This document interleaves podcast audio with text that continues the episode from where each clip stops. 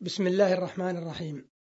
الحمد لله رب العالمين والصلاة والسلام على أشرف الأنبياء والمرسلين نبينا محمد وعلى آله وصحبه أجمعين. أيها المستمعون الكرام سلام الله عليكم ورحمته وبركاته. أما بعد فهذه تأملات قصيرة لاثنتي عشرة آية. أولا في قوله تعالى في سورة طه وأهش بها على غنمي دليل على أن نبي الله موسى عليه السلام كان يرعى الغنم. وما من نبي إلا وقد رعى الغنم كما أخبر بذلك النبي صلى الله عليه وسلم. ولعل السر في ذلك حصول التدرج من رعي الغنم إلى رعي الأمم.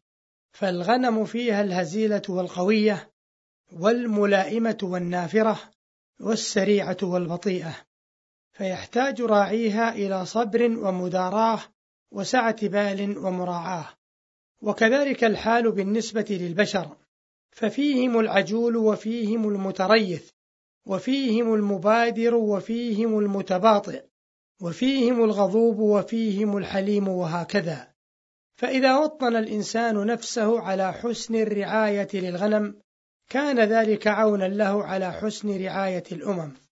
ثانيا في قوله تعالى في سورة طه على لسان موسى عليه السلام قال رب اشرح لي صدري إلى قوله كي نسبحك كثيرا وقوله عز وجل على لسان زكريا عليه السلام فهب لي من لدنك وليا يرثني أدب من آداب الدعاء وهو نبل الغاية وشرف المقصد وقريب منه قوله صلى الله عليه وسلم اللهم اشف عبدك فلانا ينكأ لك عدوا ويمشي لك إلى صلاة. ثالثا قوله تعالى في سورة آل عمران فبما رحمة من الله لنت لهم ولو كنت فظا غليظ القلب لانفضوا من حولك يفيد أن القلوب لا تجتمع إلا على من كان رفيقا رحيما لينا. وأنها لا تقبل على صاحب القلب القاسي وإن بلغ ما بلغ من العلم والجاه.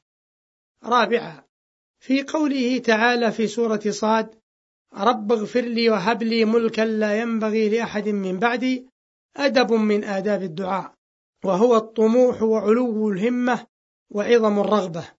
فسليمان عليه السلام لم يكتف بسؤال الله المغفرة، ولكنه لكبر نفسه وعلو همته وعلمه بسعة فضل ربه سأله مع ذلك ملكا لا ينبغي لأحد من بعده. فكانت النتيجة أن أجاب الله دعاءه وسخر له الريح والشياطين وإن له في الآخرة لزلفى وحسن مآب.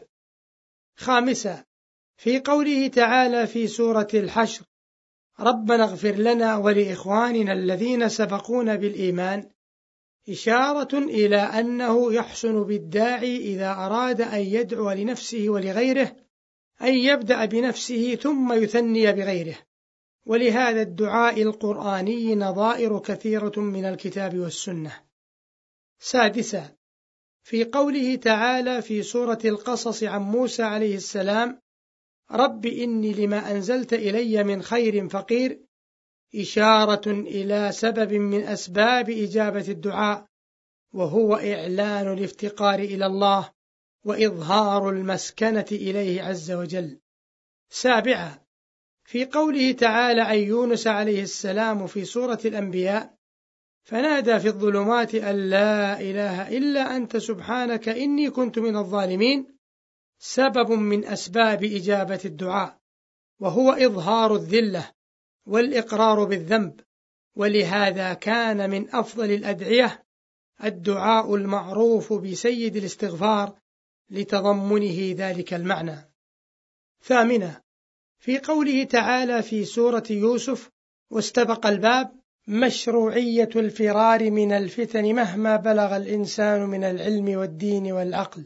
تاسعا في قوله تعالى في سورة النساء وخلق الإنسان ضعيفا بيان لضعف الإنسان الجبلي وفيه إرشاد له بألا يغرر بنفسه فيلقي بها في مواطن الفتن ثقة بعلمه ودينه فمن حام حول الحمى أوشك أن يرتع فيه.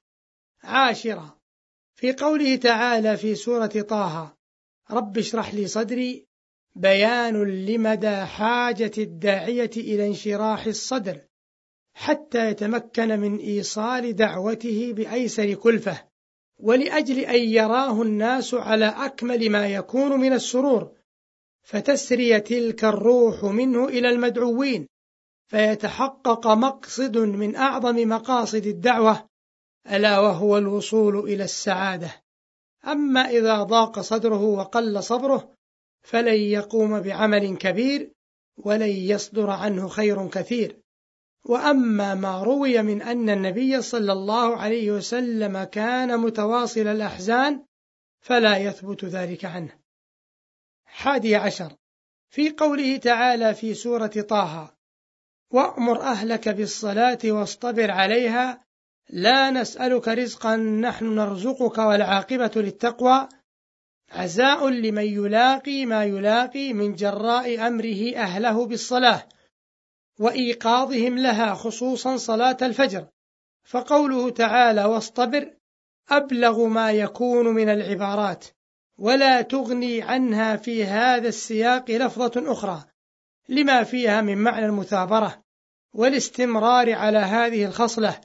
كيف وقد ختمت تلك الآية بضمان الرزق وحسن العاقبة لمن كان هذا شأنه؟ فيا لها من آية تبعث الروح وتمد الإنسان بالصبر واليقين. ثاني عشر في قوله تعالى: اجتنبوا كثيرا من الظن إن بعض الظن إثم. إرشاد للإنسان بألا يسترسل مع الأوهام والخيالات التي ترد على خاطره، فإن أغلب الظنون كاذبة، وأكثر الخوف مدفوع، ورب أمور لا تضير كضيرة وللقلب من مخشاتهن وجيب. وإذا حسنت أفعال المرء حسنت ظنونه واطمأنت نفسه. وإذا ساء فعل المرء ساءت ظنونه وصدق ما يعتاده من توهم وعاد محبيه بقول عداته وأصبح في ليل من الشك مظلم. معاشر المستمعين الكرام إلى هنا تنتهي هذه التأملات لإثنتي عشرة آية. وصلى الله وسلم على نبينا محمد والسلام عليكم ورحمة الله وبركاته.